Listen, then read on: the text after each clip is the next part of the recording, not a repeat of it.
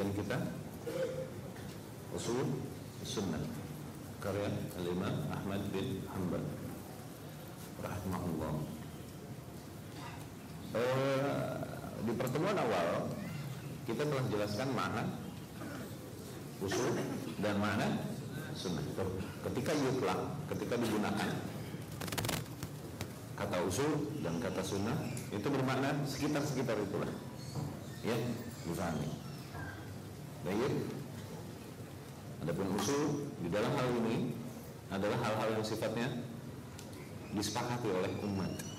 Ya, disepakati oleh umat. Sunnah yang dimaksudkan adalah bisa maknanya di dalam hal ini dalam metode cara beragama yang dimaksud dengan manhaj ya sunnah maknanya al-tariqah al-ammah bisa juga maknanya akidah sahih ya di dalam hal ini usul sunnah nah para ulama di dalam menyusun buku akidah senantiasa eh, sering kali mereka menggunakan nama sun, sunnah dan gaya penulisan buku-buku akidah dari zaman dahulu memang banyak yang eh, ada ada beberapa macam.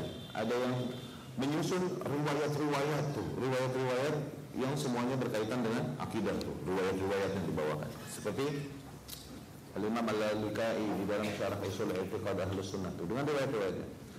Al-I'tisam Syatibi. Ya. Ada yang menyusunnya di dalam sebagai satu pembahasan di antara banyak pembahasan yang dimuat di dalam kitabnya. Seperti Imam Muslim rahimahullah di dalam Sahih Muslim ada kitab Al-Imannya. Imam Bukhari ada kitab Al-I'tisamnya. Ya. Kan? Jadi satu pembahasan di dalam banyaknya pembahasan ya karyanya ini. Ada juga yang menulis dalam bentuk matan mukhtasar matan-matan singkat demikian seperti Imam Ahmad bin Hanbal ini atau syariah punyanya Al-Ajuri rahimahullah. Itu matan mukhtasar sifatnya udah langsung kesimpulan-kesimpulannya langsung disampaikan kesimpulannya penting tanpa ya ta'arud tanpa membawakan dalil dan nggak nggak selalu menekankan di setiap babnya ditekankan dengan menyebutkan dalil nggak selalu demikian. Ya? Cuma ditekankan yang disepakati oleh umat seperti apa? Gitu. Ya? Langsung dibuatkan kesimpulan oleh Imam rahimahullah dibuatkan kesimpulan dan dibentuk dalam bentuk redaksi yang singkat dan dikumpulin disusun per bab di antaranya ada yang pakai dalil di antaranya ya? Begitu juga sunnah Ibn Abi Zamani sunnah apa namanya al Khalal sunnah uh, Ibn Abu Battah. Banyaknya singkat ya. Enggak selalu membawakan riwayat-riwayat yang panjang.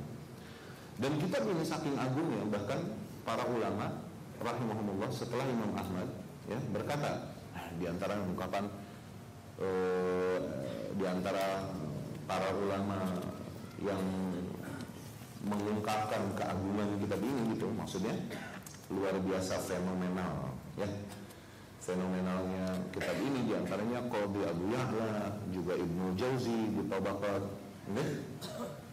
uh, mereka berkata lau ruhila lau ruhila ila sin li talabiha lakana qalilan. Andai saja mesti seseorang melakukan perjalanan ke Cina untuk mendapatkan ilmu ini yang ada terkandung di dalam kitab ini nothing it was nothing yang perjalanan ke Cina itu nothing compare dibandingkan dengan keilmuan yang ada di dalam kitab ini maknanya demikian Cina ini bagi bangsa Arab ungkapan jauh. Pokoknya jauh benar. Ya kan? Apa? Cina. Oh, tuh, ungkapan jauh di bahasa Arab. Ungkapan jauh juga. Kalau seseorang mesti melakukan perjalanan sampai sono supaya dapat riwayat kitab ini, gitu? nothing. Itu usaha yang sebenarnya tidak sebanding dengan faidah yang bisa didapatkan dari kitab ini. Riwayat kitab ini banyaknya oleh e, diriwayatkan oleh Imam Ahmad Ibnu Hambal kepada murid salah satu murid kesayangannya namanya Abdus Abdus okay? diceritakan di Tabaqat al-Hanabilah dan seoleh Ibnu Jauzi sendiri dan lain-lain bahwasanya Abdus memang memiliki posisi yang mulia di sisi Imam Ahmad. Sehingga akhirnya Imam Ahmad bin Hambal menghadiahkan kepadanya khusus kitab ini. Akhirnya dialah yang meriwayatkan riwayat ini ya. Kitab ini kalau kita lihat makhtutotnya transkrip kunonya ya, itu yang ditemukan sekitar ada tiga. Sekitar ada tiga. Oke Nuskhah ada nuskhah yang disebutkan oleh Al-Imam Al-Lalikai rahimahullah di dalam syarah usul i'tiqad ahli sunnah. Tuh, dia membawakan poin-poin isi kitab ini di dalam syarah usul i'tiqad ahli sunnah. Okay? Kemudian juga ada nuskhah, ada satu transkrip lagi yang disebutkan oleh Abu Ya'la di dalam Tabaqat Al-Hanabilah. Ya. Kemudian juga ada satu nuskah lagi, satu nuskah lagi, riwayat lagi yang ditemukan oleh Syekh Al-Albani rahimahullah di Maktabah Zahiriyah. Kemudian dia tuliskan dengan tulisan tangannya, ya, nasakha hadakalan. Dia tuliskan, ditulis ulang dengan tangannya oleh Syekh Al-Albani rahimahullah. Ya. Baik. Kita lihat buku ini uh, uh, uh, cetakan yang anda punya syarahnya adalah syarah yang dibawakan oleh Syekh Rabi Ibn Hadi Al-Manfali yang anda punya Syekh Rabi Ibn Hadi Al-Manfali ada satu lagi kebetulan kita punya syarahnya Syekh Ruslan Hafizahumullah ya oh Syekh Rabi. Cuma Syekh Ruslan terlalu tebal melebar luar biasa. Tapi luar biasa dengan faedah-faedah cuma apa namanya terlalu melebar. Jadi akhirnya anak ambil poin-poin dari sana tambahin ke sini anak mix ya? Dan yang ada pada kita semua syarah siapa pun yang penting kita lihat matangnya barengan. Syarahnya siapa pun nanti dibaca di rumah tentunya ya. Syarah dari siapa pun dari ulama yang menyusunnya ya. Menyusun syarah kitab yang agung ini ya. Baik kita lihat mukaddimahnya dulu. Seperti biasa Bismillahirrahmanirrahim. Mukaddimah dari pensyarah dari syarih dari yang memberikan syarah itu dari Syekh Rabi di mana beliau hafizahullah membawakan uh, membukakan mukadimahnya dengan hamdalah ya. Hamd dan sana ala Allah Subhanahu wa taala. Kemudian bersalawat dan bersalam atas Rasul sallallahu alaihi wasallam.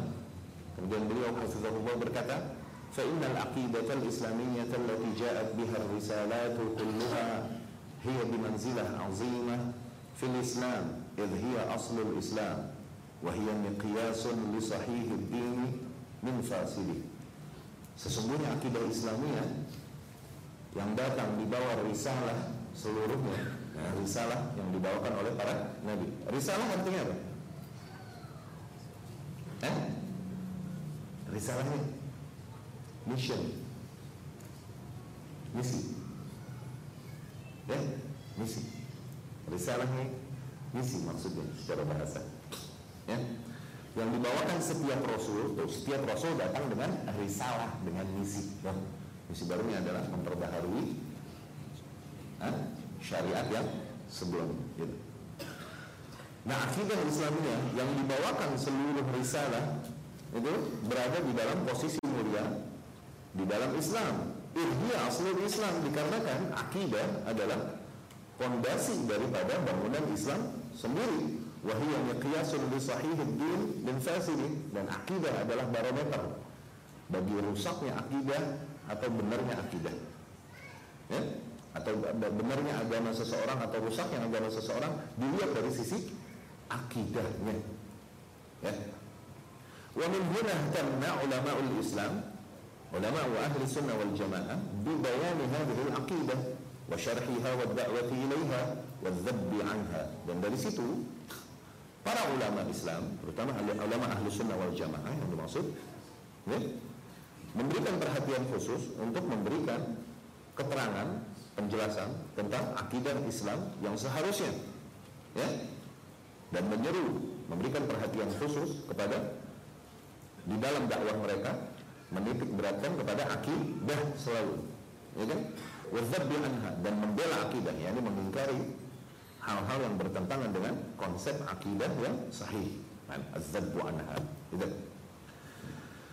وألفوا في ذلك مؤلفات وضمنوا كثيرا منها في ثنايا المؤلفات seringkali mereka membuat tulisan-tulisan tersendiri yang emang membahas akidah-akidah Islam seperti buku-buku yang kita bahas ini usul sunnah Imam Ahmad.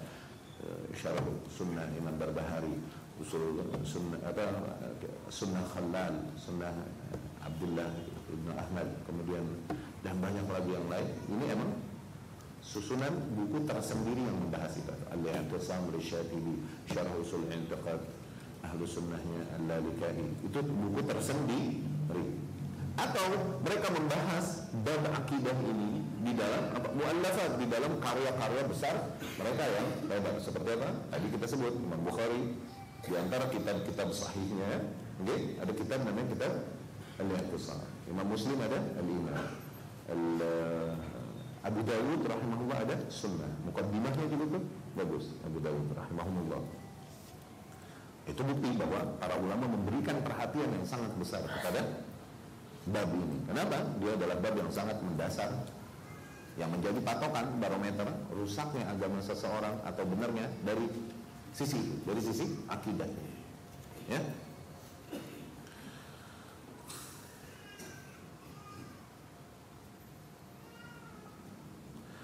لعلم هؤلاء الأجلة بمنزلتها ومكانتها dikarenakan mereka para ulama tersebut sangat memahami posisi akidah tersebut dan pentingnya akidah tersebut wa annal munharifa fi syai'in minha dan bahwasanya seseorang yang menyimpang dari salah satu poin di antara poin-poin akidah tersebut au fi aslin min usuliha atau menyimpang pada salah satu usul di antara usul-usulnya pondasi-pondasinya ala khatar maka dia berada di atas bahaya Qad yakunu dzalikal inhiraf kufran, bahkan bisa jadi penyimpangan tersebut berupa kekufuran. Nah, kufur apa artinya?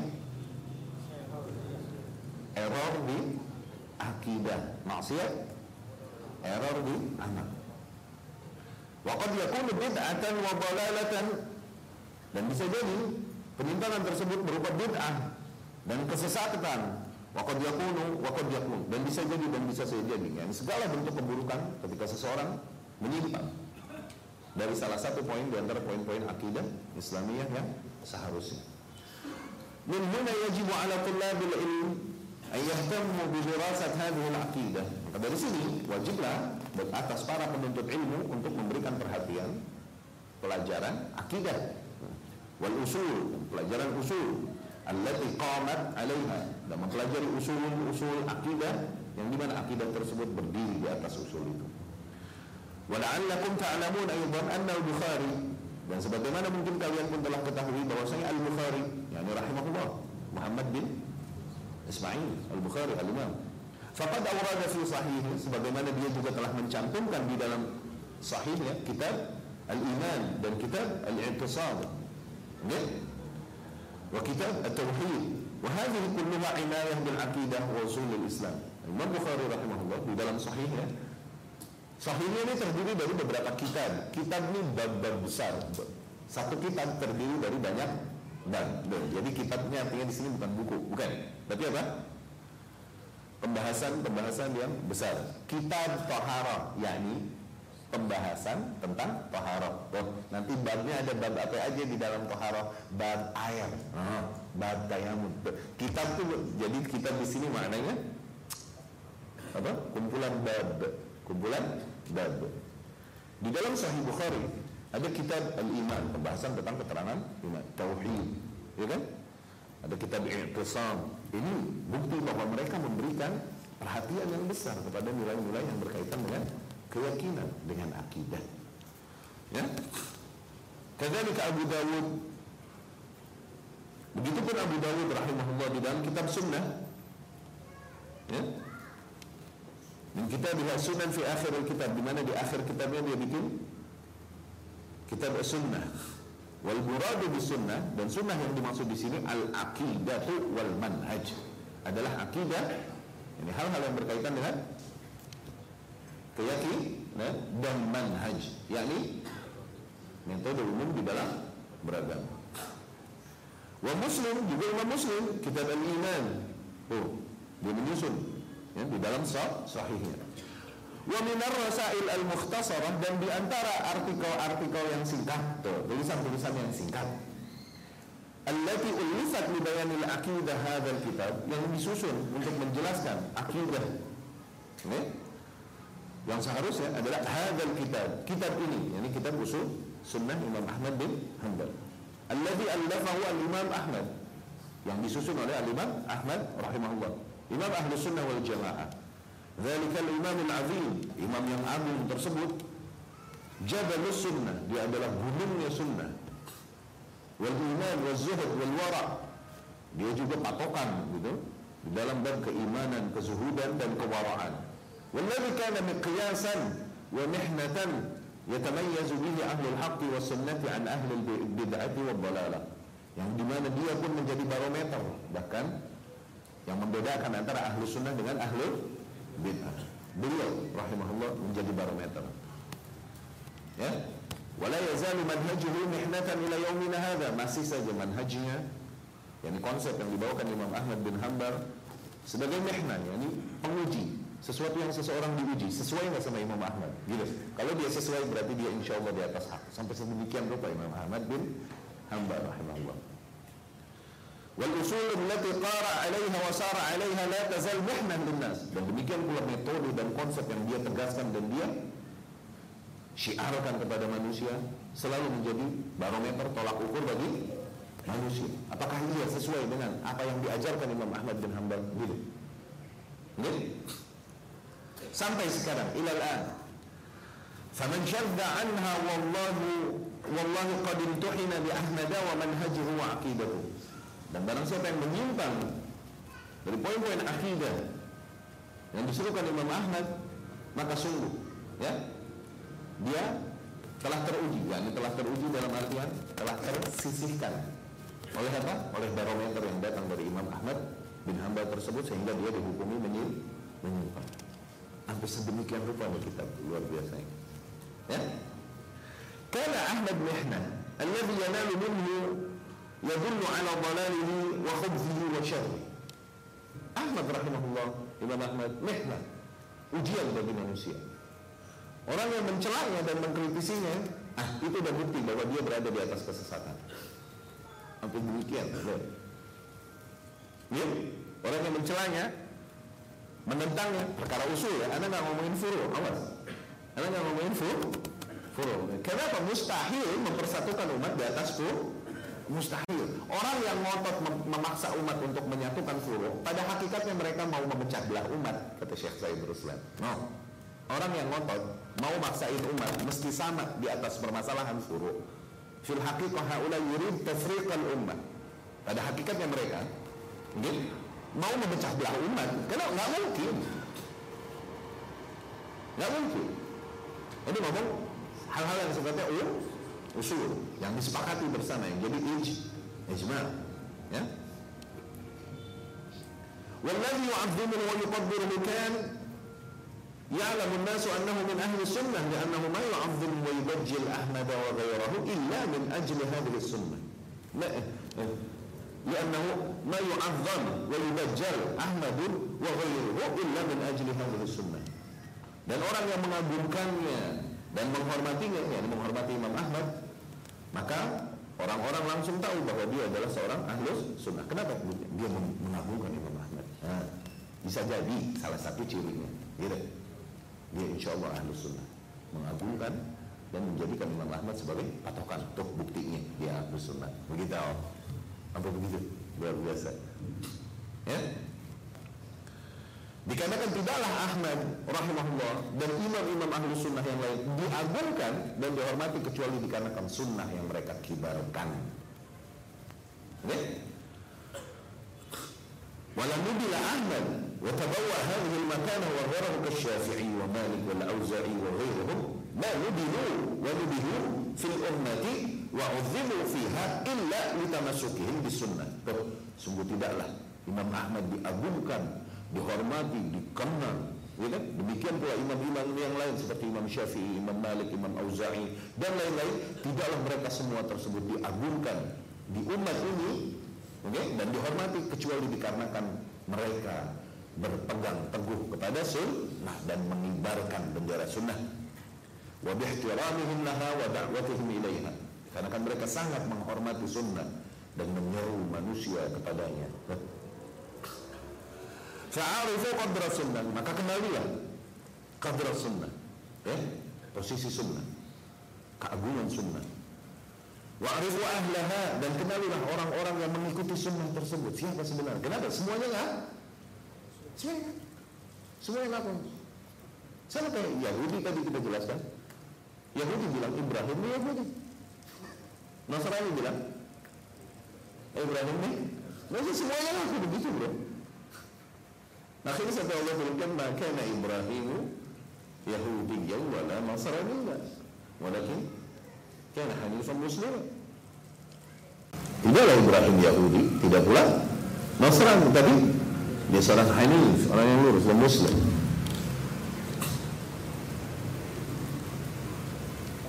Ya? Walzamu gharzamu. Dan berpegang teguhlah kepada idealisme-idealisme mereka yang berpegang teguh kepada sunnah.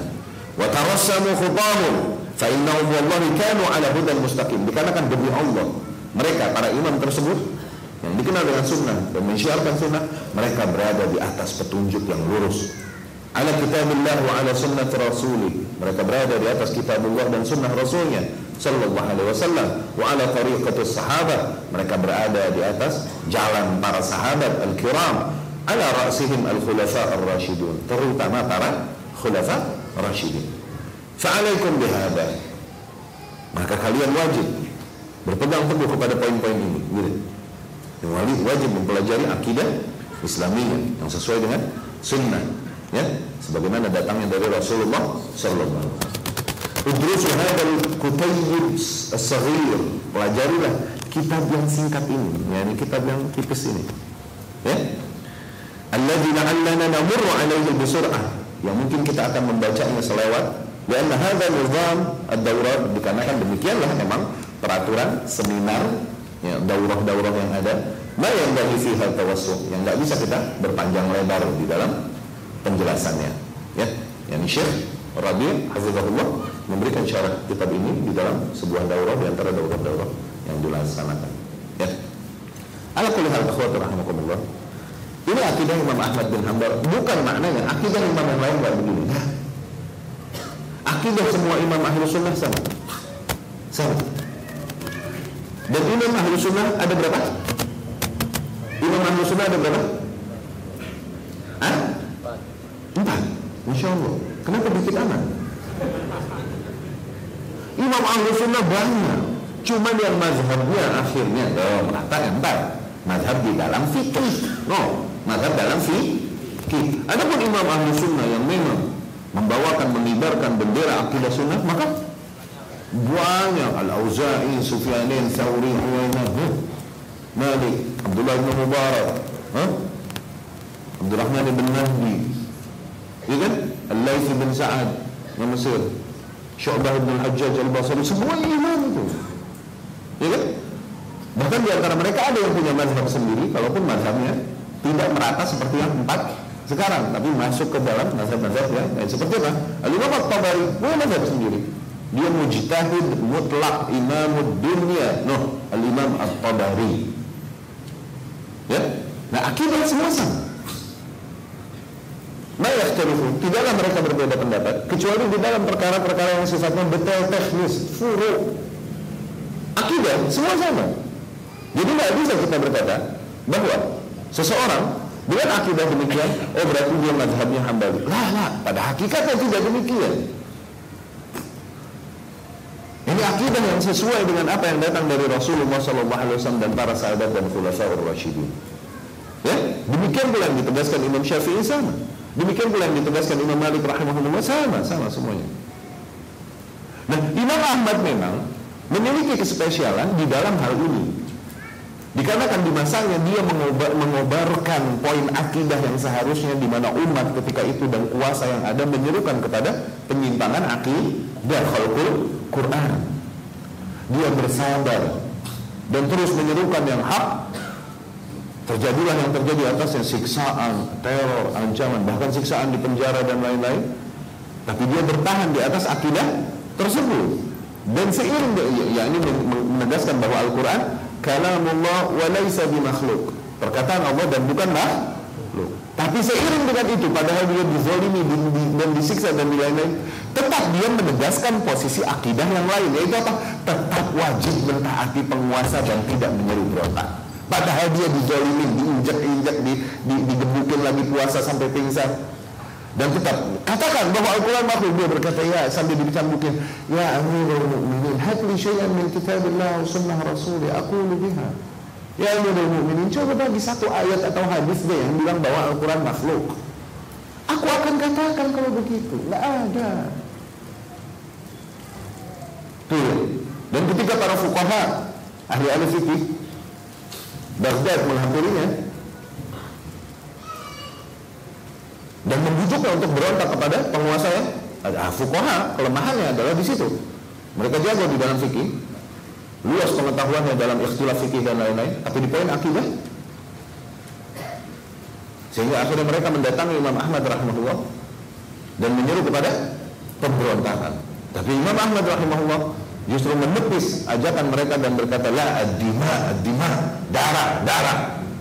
Bukan itu cara ahlu sunnah bukan itu cara kita justru dengan memberontak maborot jauh lebih besar dan darah lebih banyak tertumpah kehancuran jauh-jauh lebih rata Tuh, padahal dia dizali setelah Allah angkat fitnah tersebut dengan dijadikan penguasa-penguasa baru setelahnya dan kemudian condong kepada akidah ahlus sunnah besarlah namanya menjadi imam ahlus sunnah. Kenapa? Udah well proved, udah terbukti dia bertahan tegar di atas sunnah. Ketika yang lain mengambil, ketika yang lain mengambil rukhsah dan berkata bahwa Al-Quran makhluk. Kenapa? Disisa beneran. Yang lain mengambil rukhsah, boleh nggak? Boleh. Hak mereka.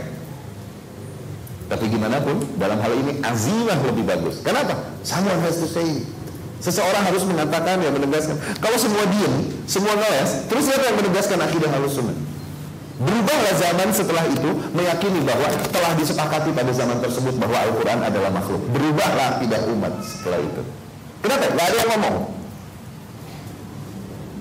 Itu Imam Ahmad bin Hanbal.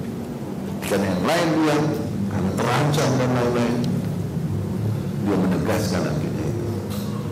Tapi kita enggak berniat untuk membacakan riwayat Imam Ahmad itu insya Allah kesempatan tersendiri kita buat kalau Allah izinkan tapi yang lebih kita fokuskan adalah kepada pembahasan kitabnya saya kitab usul sunnah Imam Ahmad bin Hanbal terbukti pada Imam Ahmad bin Hanbal perkataan Imam Malik ya salah satu tips salah satu tips dari para ulama rahimahullah dalam mencari siapa ahlul haq siapa? Ahlul Haq. Ya? Namun pada hakikatnya ahlul hak adalah mereka yang berada di atas kaidah-kaidah yang hak okay? kemudian disebutkanlah ciri-cirinya okay? tapi nggak bisa kita langsung pakai ciri-cirinya ini tanpa mau mempelajari kaidah hak yang seharusnya karena apa nanti menciri-ciri bisa jadi tunggangan setiap kelompok nggak bisa juga begitu okay? di antara Imam Malik bilang rahimahullah la tahbitu ahadan lam yusibhu fi hadzal amr syai' janganlah kalian berpatokan kepada seseorang yang belum pernah diuji dalam perkara ini belum pernah kena fitnah jangan kalian berpatokan kepada seseorang yang belum pernah diuji dalam perkara ini demikian mengapa kita menghormati para pendahulu dakwah kita. Kenapa? Sangat terbukti bahwa mereka sangat diuji di jalan dakwah. Ya. Orang-orang tua kita yang membuka jalan dakwah terlebih dahulu jauh sebelum kita memulai dakwah. Kita masih anak-anak apa ini. Kenapa kita hormati mereka? Karena sisi bagaimanapun teruji. Mereka membuka dakwah dan lain. Kita hormati. Imam Syafi'i bilang rahimahullah Ketika ditanya siapa ahlul haq, dia berkata, lihat ila ain, lihat ke mana siham ada sunnah, lihat ke mana panah-panah para musuh sunnah diarahkan. Oke? Itu ahlul haq di situ. Lihat ke mana tanah-tanah para musuh sunnah diarahkan. Oke? Syiahnya menghantam dia, Khawarijnya menghantam dia, Sufinya menghantam dia, apa liberalnya menghantam dia. Tuh, lihat, lihat ke mana para tanah para musuh sunnah diarahkan. Itu dia ahlul. Yang paling dibenci, yang paling bikin gerendet, hmm? Yang paling mereka gemes katanya paling unyu-unyu, itu insya Allah. Tapi ini sifatnya cuma clue dalam artian tetap untuk mengenal ahlul haq kita mesti mengenal dulu kaidah-kaidah yang hak. Kenapa? Kalau yang kayak gini tadi, tips-tips begini, setiap kelompok bisa mengatakan dan menunggangi perkataan itu untuk membenarkan tokohnya masing-masing. Ya, nah Imam Ahmad rahimahullah well tested, well proved, sangat teruji, sangat terbukti. Sehingga pantaslah Allah Subhanahu wa taala dengan kadar kauniyahnya menjadikan bukunya dikenang dari zaman ke zaman. Dikenang dari zamannya yataraham alaihi talibul ilm akthar mimma yataraham ala abi. Sehingga penuntut ilmu lebih banyak mendoakan kerahmatan bagi Imam Ahmad daripada kepada bapaknya sendiri. Dari tadi anda bilang Ahmad rahimahullah Ahmad rahimahullah. Anda belum bilang Abi rahimahullah. ya, ya. Anda mendoakan rahmat terus kepada Ahmad bin Hanbal penuntut ilmu yang membaca buku-buku mesti pendapat Ahmad riwayat Ahmad rahimahullah, rahimahullah. selalu mendoakan rahmat untuk Imam Ahmad dan para imam Ibnu Taimiyah rahimahullah, Imam Bukhari, Imam Muslim lebih banyak mendoakan rahmat bagi mereka daripada kepada orang tuanya sendiri. Lihat Allah dengan qadar kaumnya yang menjadikan demikian. Ya. Dan yang di kitab ini sanadnya dari Al Imam Al Lalikai rahimahullah yang tercantum di dalam syarah usul yang tepat ahlu sunnah. Ya. Anda bacakan sanad yang ada di Imam Lalikawi. Mungkin di situ beda sanadnya, tapi ujung-ujungnya ketemu nanti di Abdus. Ya, atau di bawahnya berapa? Enggak apa-apa, Anda cuma bacakan aja, tabarrukan. Qala al-Imam Al-Lalakai rahimahullah, Al-Imam Al-Lalakai rahimahullah berkata, "Akhbarana Ali bin Muhammad bin Abdullah As-Sukari." Telah mengkhabarkan kepada kami Ali bin Muhammad bin Abdullah As-Sukari Qal dia berkata haddatsana Utsman bin Ahmad ibn Sammak telah berkata kepada kami Utsman bin Ahmad bin Sammak Qal haddatsana Abu Muhammad Al-Hasan bin Abdul Wahhab telah berkata kepada kami Abu Muhammad Al-Hasan ibnu Abdul Wahhab ibnu Abil Ambar qira'atan alaihi min kitabihi fi syahr Rabi'il Awal min sanah 93 wa 200 sejak Eh, eh, eh, telah berkata kepada kami Abu Muhammad Al Hasan ibnu Abdul Wahab ibnu Abil Ambar kiraatan alaihi dengan cara membacakan atasnya min kitabihi dari kitabnya sendiri pada bulan Syahrul Rabiul Awal okay, dari tahun 293 Hijriah. Qal ia berkata Haddatsana Abu Ja'far Muhammad ibnu Sulaiman Al-Minqari. Telah berkata kepada kami Abu Ja'far Muhammad bin Sulaiman Al-Munqari Al-Basri. Qal Dia berkata Haddathani Abdus. Telah berkata kepadaku Abdus bin Malik Al-Attar. Qal ia berkata Sami'tu Aku telah mendengar Aba Abdullah Abu Abdullah Ahmad bin Muhammad ibn Hanbal Imam Ahmad bin Hanbal rahimahullahu taala yaqul ia berkata masuk ke matan kitab. Usulus sunnati indana pondasi-pondasi sunnah yang kami yakini adalah at-tamassuku bima kana alaihi ashabu Rasulillah sallallahu alaihi wasallam. Berpegang teguh pada apa yang para sahabat Rasul Shallallahu Alaihi Wasallam dahulu berada di atasnya, yakni berpegang teguh kepada konsep mereka, metode mereka, wal dan mengikuti mereka, wa tarkil dan meninggalkan hal-hal yang baru, yang yang tidak ada keterangannya dari mereka, contohnya dari para sahabat. Wa kullu bid'atin fahiya dikarenakan setiap bid'ah adalah kesesatan. Wa tarkil khusumat wal julus ma' ashabil ahwa dan juga meninggalkan perdebatan dan berduduk-duduk bersama para ahli bid'ah. Wa tarkil mira wal jidal wal khusumat fid din. Dan meninggalkan perdebatan sia-sia ya dan pertengkaran di dalam perkara agama.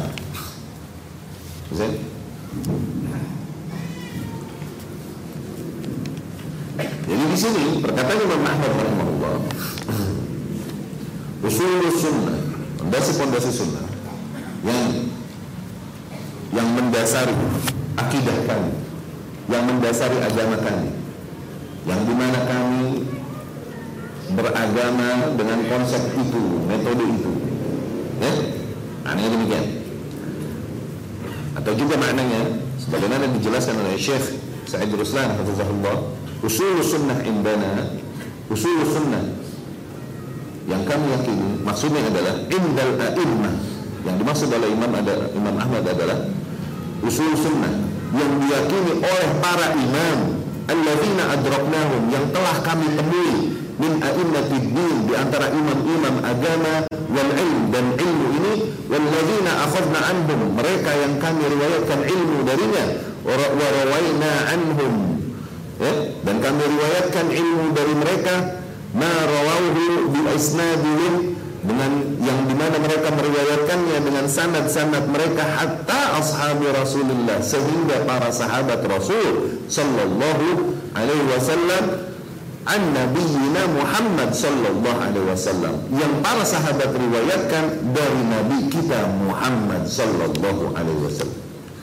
Jadi usul sunnah indana pondasi-pondasi sunnah yang kami yakini maknanya adalah sebagaimana juga yang diyakini dari para imam-imam sebelum kami yang kami telah riwayatkan ilmu ini dari mereka yang di mana mereka meriwayatkan dari kaum sebelumnya imam-imam ahli ilmu sebelumnya yang mereka meriwayatkan dari para sahabat Rasul Sallallahu Alaihi Wasallam yang para sahabat mengambilnya langsung dari Rasulullah Sallallahu Alaihi Wasallam. Oh, ini bukan lagi menyeru kepada kelompoknya dan ini. Ini adalah hal yang seharusnya memang sebagaimana disepakati oleh imam-imam dan umat dari zaman ke zaman tentunya umat ahlus sunnah ya. Ya. Yaitu berpegang teguh kepada apa yang para sahabat Rasulullah Shallallahu Alaihi Wasallam berada di atasnya. At-tamassuk berpegang teguh. Di makana alaihi ashabi Rasulullah Shallallahu Alaihi Wasallam. Yang berpegang teguh. Yang berpedoman. Di dalam beragama dengan seluruh aspeknya akidatan wa ibadatan. Baik akidah ibadah. Di dalam beragama yang yang membedakan satu kelompok dengan kelompok lain okay? bukanlah nama Tuhannya bukan pula nama nabinya. Mereka bersatu di atas Tuhan yang sama dan nabi yang sama. Tapi membedakan satu kelompok dengan kelompok yang lain apa? Di dalam Islam. Metode beragama mereka masing-masing yang ini punya metode berbeda dengan kelompok yang ini. Kalaupun Tuhannya satu, nabinya satu, kitabnya satu, begitu kan? Oke? Okay? Terus apa yang membedakan? Apa yang membedakan? Metode mereka dalam beragama, konsep mereka dalam beragama. Yang membedakan itu demikian. Adapun kita ahlu sunnah, metode kita di dalam beragama begini. Adalah berpegang teguh kepada apa yang para sahabat berada di atasnya. Oh, kalau udah sahabat, disepakati Setiap kelompok akan mengaku mereka ahlu sunnah. Mereka ahlu sunnah, kami ahlu sunnah, kami ahlu sunnah, kami ahlu sunnah. Dan setiap kelompok ada, akan bilang bahwa yang bukan kami ini bukan ahlu sunnah. Akan bilang gitu. Kalau ada kelompok yang bilang enggak, anda ahlu sunnah, cuman anda nggak juga menghukumi ente bahwa ente keluar dari ahlu sunnah. Aduh nanggung ente sama akidah ente kalau gitu. Itu ngaku ahlu sunnah, kita yang beda sama ente, berarti ente hukumi bukan ahlu sunnah, begitu gitu. Kita yang syahadat muslim berarti yang nggak syahadat tuh kita hukumi kafir. Nggak ada nus nus setengah setengah nggak ada. Ya? nah semua mengaku bahwa semuanya ahlu sunnah. Tapi semua sepakat bahwa para sahabat tuh ahlu sunnah kan sepakat. Mereka semua sepakat. Ya udah kita cari titik kesepakatan. Bagaimana dulu sahabat berakidahnya? Dulu mereka beribadahnya gimana? Apakah mereka dulu melakukan bentuk ritual itu atau enggak? Kita mencari kemurnian ini. Dan demikianlah perintah Allah Subhanahu wa taala di dalam banyak ayat juga Rasul sallallahu alaihi wasallam di dalam hadis-hadis ini. Ya. Allah Subhanahu wa taala berfirman, "Wa man rasul." Barang siapa yang menentang Rasul. Menentang Rasul, bukanlah dia berkata, "Aku menentangmu ya Rasul." Wah, bukan. Aku nggak mau mengikuti petunjuk Rasul. Bukan begitu. Menentang Rasul itu nggak mesti demikian. Demikian. Oke? Menentang Rasul adalah ketika jelas keterangan bahwa Rasul nggak mengajarkan itu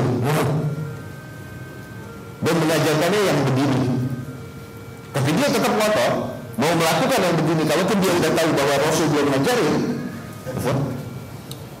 dia tetap ngotot bahwa dia tetap mau melakukan yang ini. Bahwa kalaupun dia tahu bahwa Rasul belum mengajarin, nah ini menentang Rasul itu. Bukan lidahnya bilang, aneh mau menentang Rasul. Mustahil, gitu. Wa man yushakkikir Rasul. Barang siapa yang menentang Rasul, yang mengambil petunjuk lain selain petunjuk yang telah jelas datang dari Rasul sallallahu alaihi wasallam.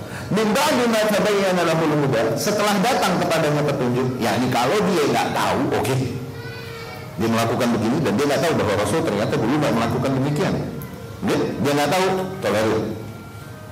Tapi min ba'di ma tabayyana lahul huda, setelah datang padanya petunjuk, setelah dibilangin, itu nggak diajarin Rasul. Hmm, Rasul ngajarinnya begini. Kemudian wayattabi' ghaira sabilil mu'minin. Kemudian dia mengikuti jalan lain. Selain jalannya orang-orang yang beriman menentang Rasul dan mengikuti metode lain, konsep lain di dalam beragama selain konsepnya orang-orang beriman. Ketika ayat ini turun, siapa yang beriman? Ada pilihan lain nggak? Jadi mengikuti metode lain di dalam beragama selain metode para sahabat. Tuh, udah nggak ada pilihan lain. Itu maksudnya siapa aman. Maka kami hukum mereka Umar. Dia menentang Rasul dan berpaling dari metode para sahabat di dalam beragama kami hukum mereka. Nuwallihi ma tawalla wa nuslihi jahannam. Kami palingkan mereka ke Allah mereka berpaling. Yang kami gituin. Kami kami gituin. Kami palingkan mereka ke arah mereka berpaling. Kami larutkan mereka di atas kesesatannya. Itu. Kami hiasi kesesatannya sehingga mereka semakin yakin di atas kesesatannya. Bahwa mereka mengira di atas kebenaran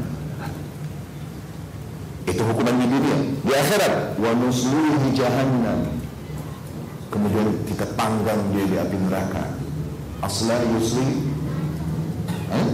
Asla yusli yang barbecue artinya.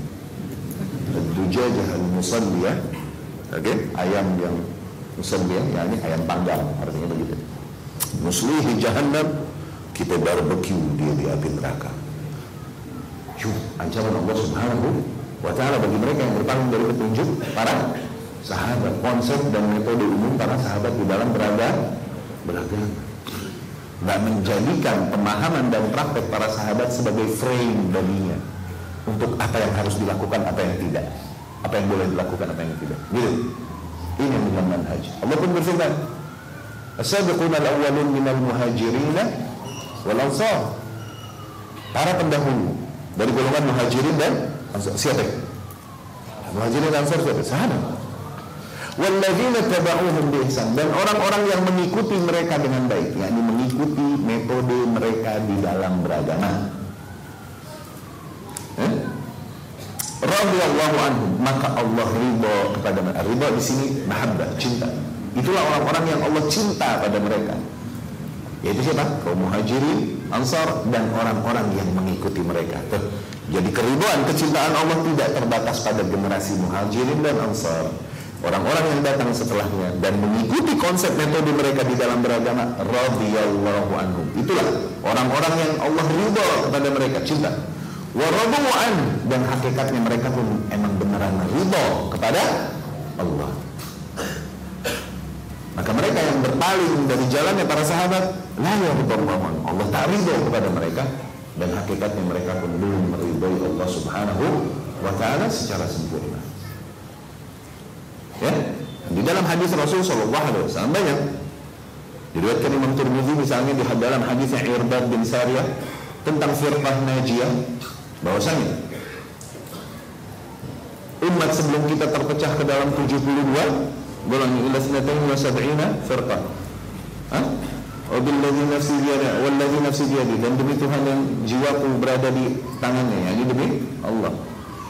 Sataftariqu hadhil ummah. Umat ini akan terpecah menjadi 73 golongan. Kulluha finnar, semuanya di neraka illa wahidah kecuali hanya satu golongan. Tentunya para sahabat tidak menyanyiakan kesempatan ini. Pastilah mereka bertanya, "Man, man ya Rasulullah? Siapa siapa itu golongan yang di surga ya Rasulullah?" Nggak lepas pasti. Mereka pasti nanya. Rasul Shallallahu Alaihi Wasallam di dalam beberapa sanad berkata al jamaah al jamaah al jamaah yakni jamaah artinya kumpulan al jamaah the artinya apa kumpulan ini. Yani aku dan para sahabat. Al ke al di situ. Ma'rifah fungsinya salah satunya penekanan kepada particular jamaah. Jamaah tertentu. Al jamaah ya. Jamaah ini ngerti? Yani aku dan para sahabat.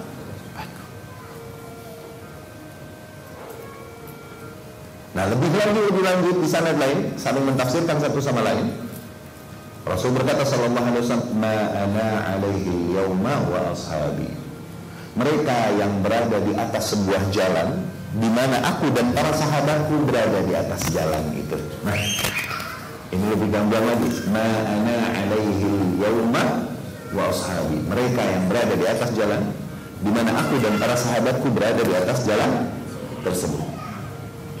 Jadi yang firqah najiyah, satu kelompok yang selamat tersebut adalah mereka yang di dalam beragama, jalannya, konsepnya, metodenya di dalam beragama, akidahnya, fikihnya, suluknya, ibadahnya, nih, nih, sama sebagaimana para sahabat Rasul Sallallahu Alaihi Wasallam.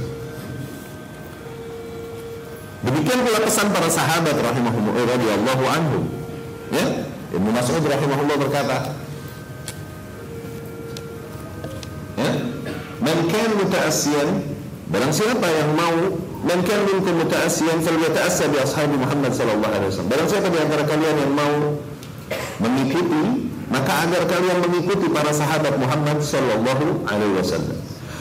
فإنهم كانوا أبر هذه الأمة قلوبا dikarenakan mereka adalah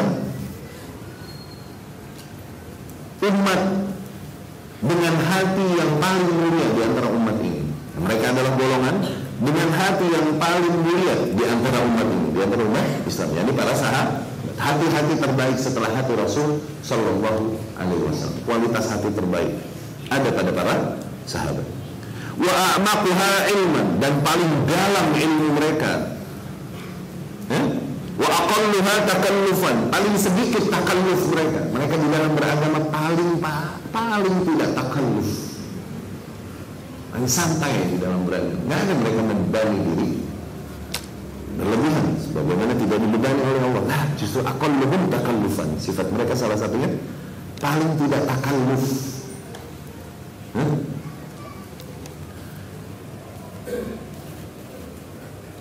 wa aqwamuha hadiyan dan mereka berada di atas petunjuk yang paling lurus wa ahsanuha halan mereka berada di dalam kondisi yang terbaik. Hum qaumun ikhtarahumullah li suhbati Nabi Muhammad sallallahu alaihi wasallam. Betapa tidak mereka adalah kaum yang Allah pilih untuk menemani perjuangan Nabi Muhammad sallallahu alaihi wasallam Fa'arifu lahum fadlahum maka kenalilah keutamaan mereka wattaba'uhum fi wattabi'uhum fi atharihim dan ikutilah jejak-jejak mereka. Fa innahum kanu 'ala al-huda al-mustaqim sesungguhnya mereka berada di atas petunjuk yang lurus. Riwayat ini diriwayatkan Ibnu Abdul Bar di dalam Jami' Bayanul Ilm. Begitupun Ibnu Aun rahimahullah berkata, rahimallahu rajulan lazima hadzal athar wa radiya wa in istafqalahu wastabta'ahu semoga Allah merahmati seseorang ya yang mengikuti jejak-jejak ini yakni mengikuti jejak para sahabat riwayat-riwayat para sahabat. Wa dan riba dalam menerima petunjuk yang datang dari para sahabat mencintainya memilih petunjuk yang datang dari para sahabat. Kalaupun itu semua mungkin memberatkannya akhirnya memberatkan langkahnya jadi bikin ribet dia tapi dia pilih langkah ya. konsep salaf demikian untuk menjalani kehidupannya. Semoga Allah merahmati seseorangnya. Demikian. Ya? Begitupun al-imam al-barbahari membawakan pernyataan yang tegas di dalam sunnahnya. Beliau rahimahullah berkata wa'alam rahimakallah. Ketahuilah semoga Allah merahmatimu. Annahu la yatimmu islamu abdin hatta yakuna muttabi'an musaddiqan musalliman sesungguhnya belumlah sempurna keislaman seorang hamba sehingga dia mengikuti meyakini dan menerima. Ini apa? Metode para sahabat tersebut. Faman za'ama annahu qad baqiya syai'un min amri islam dan barang siapa yang mengira mengatakan bahwasanya masih ada perkara-perkara ajaran-ajaran Islam lam yakfunahu ashabu Muhammadin yang belum diajarkan oleh para sahabat Muhammad sallallahu alaihi wasallam. Ini masih ada ibadah-ibadah lain yang mendekatkan diri kepada Allah. Cuma belum diajarin aja sama sahabat. Barang siapa yang berkata demikian ada jalan-jalan mendekatkan diri kepada Allah yang tidak diajarkan oleh para sahabat Muhammad tentunya usul ya. Adapun perkara-perkara perkembangan dunia dan lain-lain tentunya banyak kebedaan. Saat ini nanti kita pahami bagaimana menggolongkan kapan sunnah, kapan ah, ya. Dan belum diajarkan oleh para sahabat Muhammad SAW Fakod kazzabahum. Maka orang yang berkata demikian Sungguh mereka otomatis telah mendustai para sahabat. Wa kafa bihi furqatan wa ta'nan alaihim. Itu sudah cukup bukti bahwa dia mengingkari para sahabat memecahkan diri dari barisan para sahabat dan mencela para sahabat hanya dengan pernyataan demikian Iya, ada mulai sahabat, ngabumin sahabat. Tapi ya nggak mestilah semua bentuk ibadah mesti udah diajarin sahabat. Nah, itu secara langsung atau tidak dia telah mencela para sahabat dan telah memisahkan dirinya dari barisan ahlu sunnah yang disepakati yaitu para sahabat. sahabat. Wahyu mubtadi'un positif dia adalah seorang mubtadi ahli bid'ah wadhal yang sesat.